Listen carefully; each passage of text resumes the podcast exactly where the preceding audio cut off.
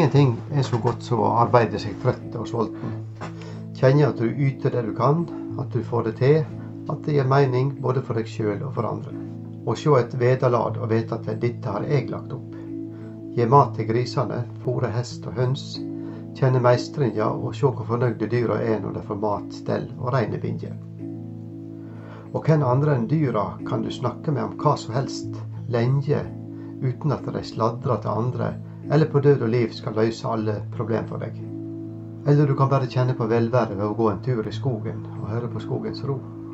Inn på tunet handler om dette her, å lage et tilbud på gården for den som ikke helt finner seg til rette andre plasser, eller trenger en alternativ hverdag. Kan dette være noe for deg? Velkommen til Vestlandsbonden, en podkast fra Norsk landbruksrådgivning Vest. I dagens episode snakker vi om Inn på tunet. Omgrepet Inn på tunet er for så vidt av nyere dato, men eh, innholdet i det er gammelt. Rundt de større byene som Bergen så hadde en eh, i gamle dager flere gårder som hadde såkalte pasienter i deler eller hele året. Disse pasientene bidro i arbeidet på gården så godt de kunne. Og betalinga var vel fritt lys om dagen og mat i magen, og kanskje ei seng å sove i. Det var en god tanke bak det, men forholdene var slett ikke alltid like bra på gårdene. Inn på tunet det er tilrettelagde og kvalitetssikra velferdstjenester på gardsbruk. Og Retten til bruk av navn og logo det er knytta til ei godkjenning og revisjonsordning. Gjennom denne ordninga så sikrer en at garden og aktivitetene er trygge og relevante for mennesker som skal være der. Dette er viktig for alle parter. Bonden som skal være tilbyder av tjenester, brukeren som skal være der på gården, og kommune eller institusjon som skal kjøpe tjenester på gården. Det er Stiftinga Norsk Mat som har ansvar for godkjenning og revisjonsordning for tjenester gjennom kvalitetssystemet i landbruket. Å gå fra å tenke og ville dette og fram til godkjenning, det kan være en langdryg prosess, og det kan være opptil flere bratte motbakker. Ikke minst så kan det være vanskelig å finne kjøper eller kjøpergruppe til nettopp de tjenestene du har tenkt å levere fra din gard. I den sammenheng så kan statsforvalteren være en viktig aktør for å spreie kunnskap inn på tunet ut til kommuner og institusjoner.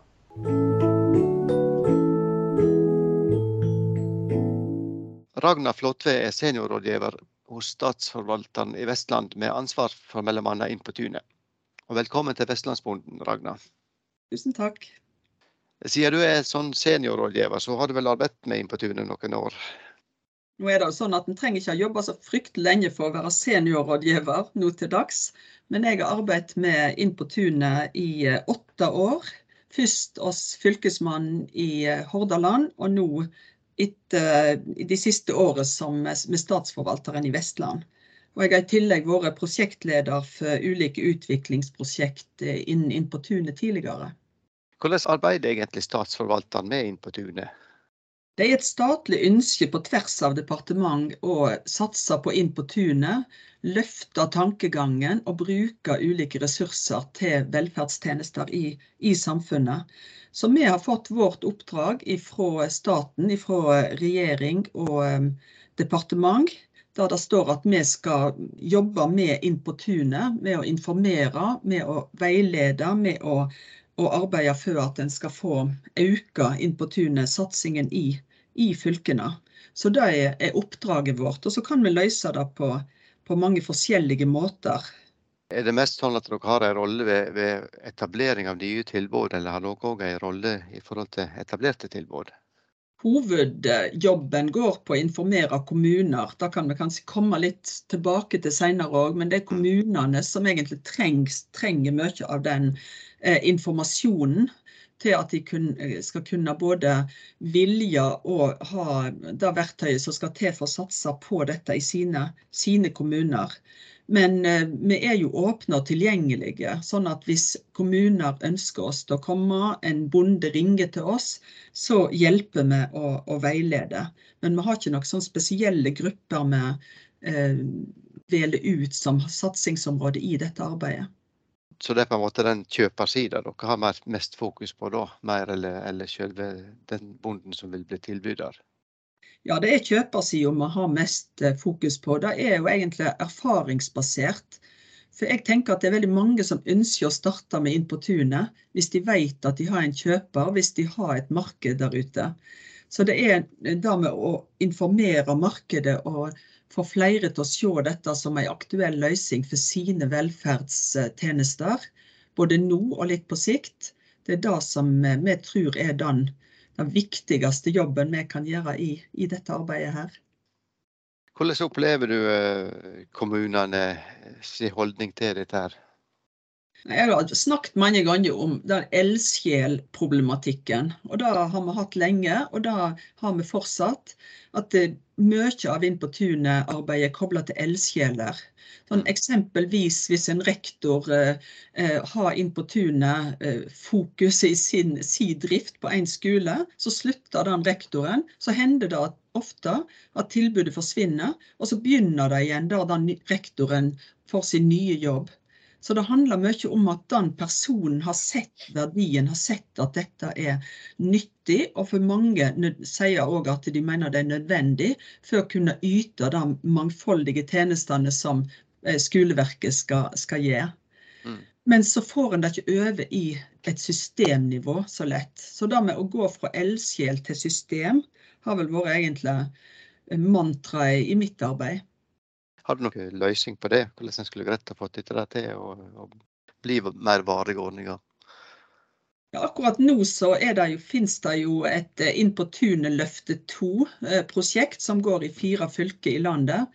Der Vestland har ansvar for psykiatri, rus og arbeidstrening. Nordland for grunnskole, Møre og Romsdal for videregående skole og Oslo og Viken for demensomsorg. Og Målet for pilot, de pilotene er at en skal finne disse flaskehalsene og proppene. Eh, hva er det som gjør at en får så mye begeistring? For jeg har vært på mange kommunestyremøter, og det er mye begeistring. Dette er supertilbud. Folk syns det er kjempespennende. Men så ender det ofte med at ikke de kjøper tjenestene. Så det er den veien fra begeistring til kjøp. Vi er nødt til å knekke kodene i, eh, i arbeidet vårt. Er det noen egne stønadsordninger som kommunene kan søke på? Du nevnte prosjektene. Er det, er det noen mer permanente stønadsordninger til kommunene for Inn på tunet? Statsforvalteren har ikke stønadsordninger. Og det jo, har jo aldri funnes egentlig spesielle stønadsordninger for Inn på tunet. Men eh, i utviklingsarbeid så finnes det jo stønadsordninger som fylkeskommunen har i forhold til å utvikle et konsept, f.eks., der det er en fordel at det er flere med, eller at en har kommunen med, eller flere kommuner med. Så det er jo mulig å, å søke slike midler hvis en tenker å utvikle et konsept uh, i litt større grad.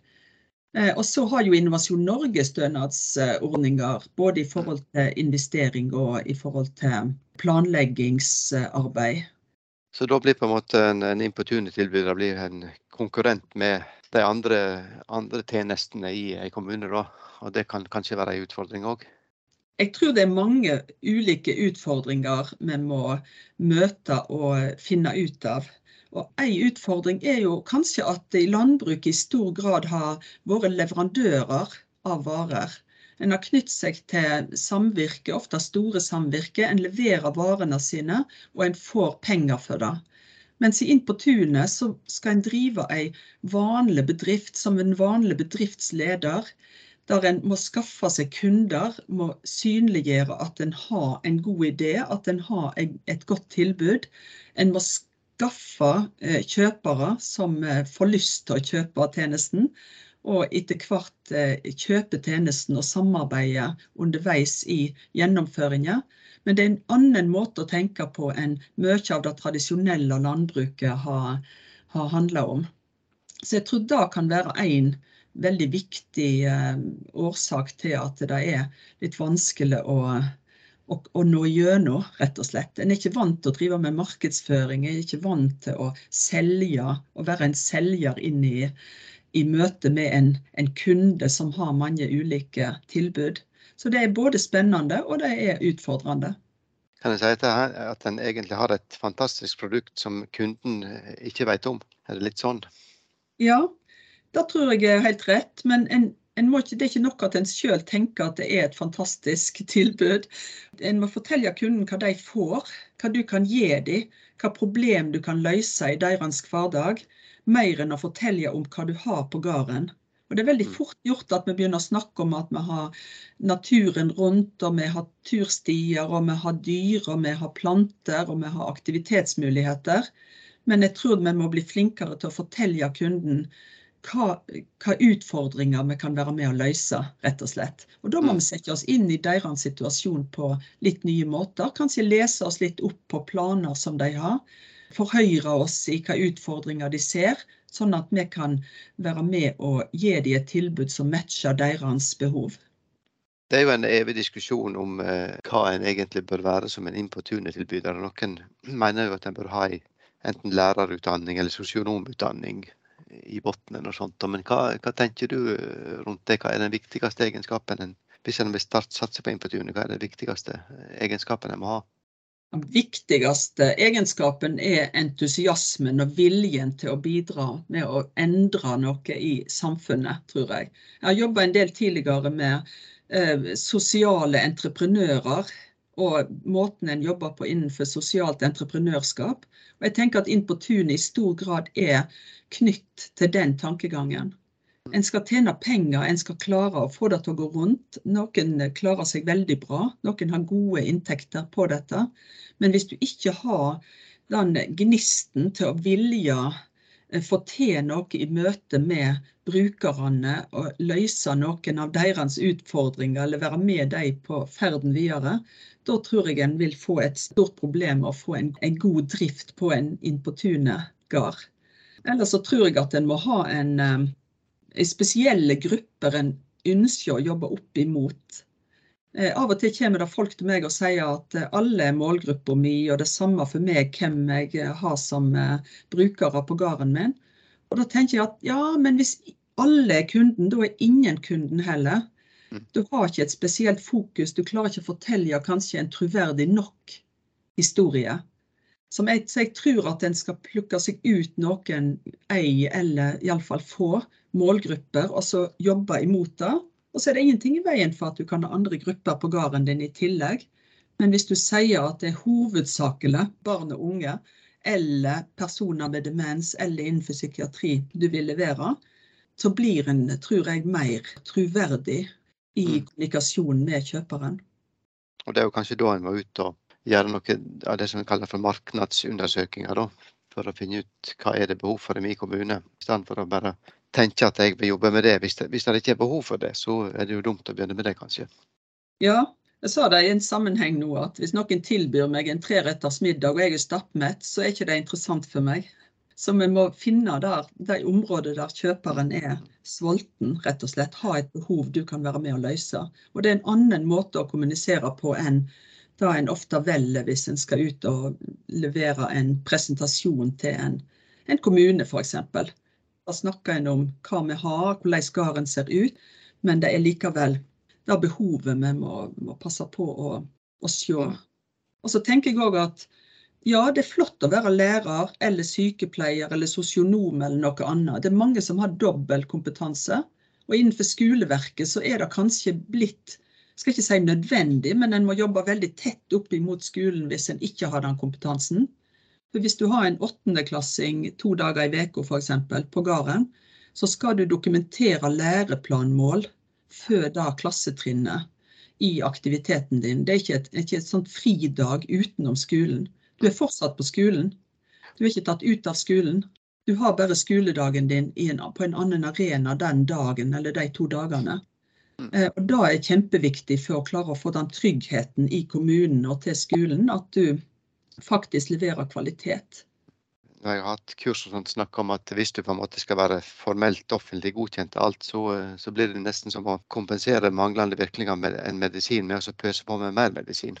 Og kanskje det de trenger, altså det er jo den, den alternative dagen som gjør at en kanskje holder ut resten av veka. da. Altså at et, eh, Selv om en skal forholde seg til læreplaner, så er det likevel det å være ute, ha skoledagen ute, er det som redder den skoledagen. Da.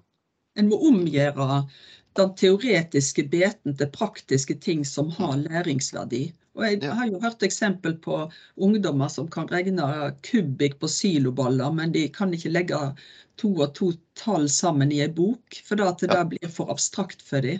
Mm. Men en må likevel klare å trekke linjene mellom læringsverdien og aktivitetene, sånn at en sikrer at ikke disse elevene mister viktig kunnskap, og når de blir 25 går tilbake og sier jeg fikk ikke utdanning fordi det tok meg ut av skolen. Og Det har jo vi grelle eksempel på langt, langt tilbake, at en tok folk ut av skolen og plasserte de på noe som ikke var nyttig. Eh, og det er jo ikke noe historie vi er stolt av, så vi må passe på at vi får en god kvalitetsarbeid. Men skal du jobbe med personer med demens f.eks., så vet jeg at noen kommuner krever at en har et slags grunnkurs i demensomsorg, som òg blir gitt av uh, ulike organisasjoner. Uh, men du ikke være, trenger ikke være sykepleier eller ha en annen helsefaglig bakgrunn for å kunne gjøre en god jobb i et uh, alternativt tilbud der, f.eks. Må vel ha en stor interesse for mennesker. Vi har jo snakka litt om flaskehalser, og for meg så er det jo tydelig at det er flaskehalser både på tilbydersida, men òg flaskehalser på, på kommunene sin side. Da. Og kommunene vil jo være kanskje den viktigste kundegruppa. Hvor er det lurt å starte, tenker du, for en, en tilbyder som på en måte ønsker Altså, En kan jo sikkert sende en e-post til kommunen og si at nå har jeg en genial idé, jeg vil starte inn på tunet. Men det er ikke sikkert du får et svar engang fra kommunen. Eh, dessverre så er erfaringene sånn at det er ikke i en, i en travel hverdag så prioriterer en hva en svarer på. da. Har du noe råd om det? Hvor bør en starte? Jeg tror det handler om å sette seg litt inn i temaet. En jeg trenger ikke lese lange planer, kanskje, men det finnes kortversjoner av planer. Enten det er læreplan eller det er en demensplan. Det finnes nasjonale planer som sier noe om hva som skal ligge i bunnen av de tilbudet brukerne skal få. Eh, så hvis du da går til kommunen, som jeg kan bruke som eksempel, det er jo mest kommuner som er kjøpergrupper her, eh, med en bakgrunnsinformasjon som viser deg at du faktisk har sett deg inn i.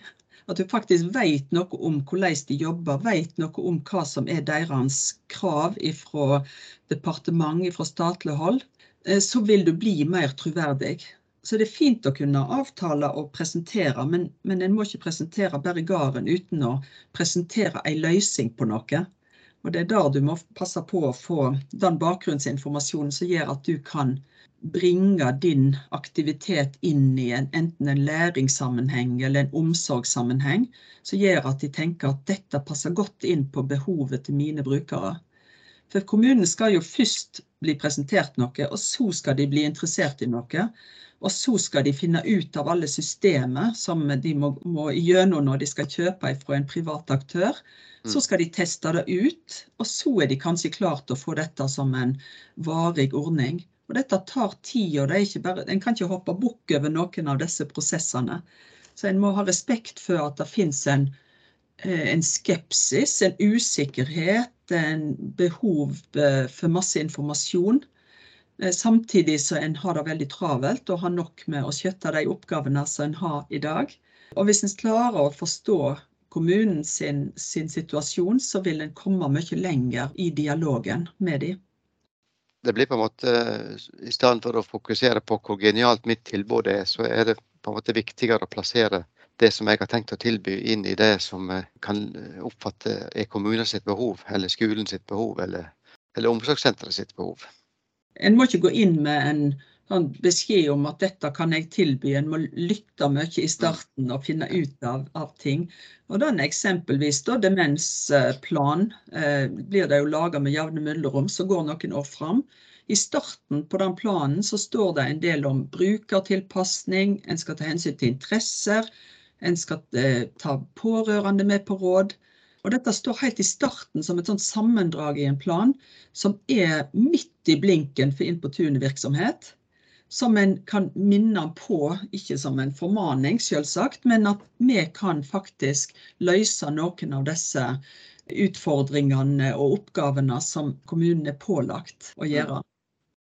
Og da vil en kunne en, komme i en helt annen dialog med en gang enn hvis en presenterer en powerpoint med en masse informasjon som kanskje ikke den kjøperen skjønner at en har bruk for, klarer å plassere inn i noe. Jeg kan jo nevne at det står, eh, Hvis en går inn på Norsk Mat inn på tunet side, så er det jo en kunnskapsbank der, der det er bl.a. Eh, faghefter som går både på grunnskole og som går på demensomsorg og, rusomsorg. som jeg lurer å starte med, egentlig, når en skal begynne med Inn på tunet. Ja, nå prøver vi òg å jobbe med de og revidere noen av de planene som begynner å bli litt gamle, sånn at vi får oppdaterte planer. Og vi skal òg jobbe ut en del på avtalesida, som òg kan være en flaskehals i forhold til kommuner. Sånn at vi ikke bruker altfor masse jobb på selve kjøpsprosessen. At det blir litt mer intuitivt, at det blir litt mer vist til samarbeidsformer, f.eks. Det har jo vært i tidligere sånn avtaleutkast sånn, så har det vært et mål at en skulle få til avtale som gikk på tre til fire års varighet. Og, og det er vel kanskje de færreste inn på tunet-tilbudene som, som, får til så lang varighet. Eh, det er jo klart en utfordring for den som skal starte inn på tunet. Og, og, hvis du tenker at nå skal jeg jobbe hjemme på gården, jeg skal slutte i annen jobb. Og hva vil du si til de som tenker den tanken? Det finnes jo mange måter å organisere et uh, tilbud på. En del kommuner har jo faktisk brukt sine ansatte i Inn på tun-arbeidet, og så har en da på uh, ulike måter leikt gården, kan en si, og mm. betaler for at de er på den gården, men at en likevel har den bonden eller den tilbyderen som ansatt i kommunen. Så mm. det er jo den tryggeste måten. Hvis du skal slutte i en jobb, så, så har jeg jo stor forståelse for at det er vanskelig hvis du har ett år om gangen avtale, og knapt nok da når du starter. Og Det er jo da dette markedsundersøkelsen og dialogen blir så veldig viktig, tror jeg.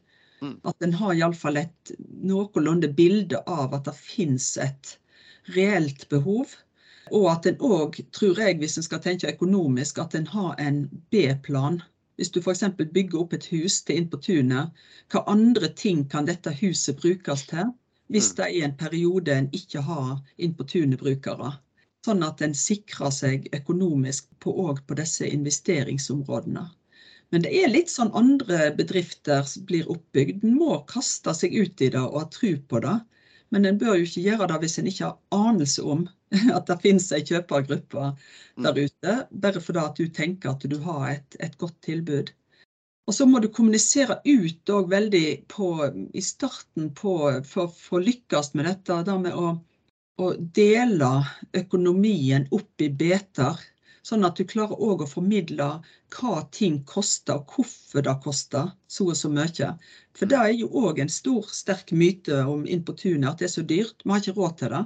Mm. Og noen tilbud er nok dyrere enn de offentlige tilbudet er. Men jeg mm. tror mye av det er ikke dyrere. Men du får en faktura fra en ekstern, og derfor så blir han så synlig i forhold til den ansatte i kommunen som gjør en tilsvarende jobb eller en annen type jobb, som er bakt inn i et større system. Så det er jo det som kanskje er de to beste rådene i forhold til å, å våge, det er jo å tenke alternative eh, muligheter eh, på gården. Og så er det å kommunisere sånn at du sikrer best mulig å få oppdrag. Hvis vi ser litt på Vestland, hvor, eh, hvordan ligger vi an når det gjelder inn på tunet, Vestland fylke? I gamle Hordaland så var det relativt mange inn på tunet-gårder, så vi var på topp i Norge en periode. Eh, nå var det færre i gamle Sogn og Fjordane, så Vestlandet er vel sånn, sånn midt i laget. Det er stor interesse blant bønder å starte med inn på tunet-aktivitet. Men eh, som vi snakket om tidligere, det er en god del som, som ikke våger ikke våger slippe, slippe dette til. Ikke våger å, å gå ifra gode, eh, faste jobber, f.eks. Men det er jo et stort potensial, tenker jeg, i eh, samfunnsutviklingen nå på veldig mange områder. Vi kan nevne barnevern, der kommunene har et stort ekstra ansvar i den nye barnevernsreformen, som blir veldig dyrt for dem hvis ikke de skaffe til veie gode tilbud på et litt lavere nivå, tidlig innsats. Vi ser stor problematikk i forhold til skolevesenet. Skolevegring leser jeg akkurat om en stor artikkel i ei avis. Mm. Eh, vi har demensomsorger der en er pålagt dagaktivitetstilbud, og det skal vi tilpasse. Innenfor psykiatriarbeid har vi òg mange utfordringer som Inn på tunet ikke skal være løsninger på, men kan være ei av mange løsninger for, som passer veldig godt mange forskjellige grupper. Jeg har eh, av og til sånn kjensle av at det er lettere å få til flere eller det, Behovet er vel større dess mer folk der burde, men det, det, er kanskje lettere å få til inn på tunet rundt større byer eller ute på landsbygda? Ja, det er på mange måter lettere å få det til for en har et større brukertilfang, hvis en skal bruke det uttrykket. Ja. Men samtidig så er det ofte litt vanskelig å kommunisere inn mot store kommuner, for det er, er lengre vei inn til beslutningstakerne, og det krever litt mer å komme i dialog med de store kommunene enn i de små.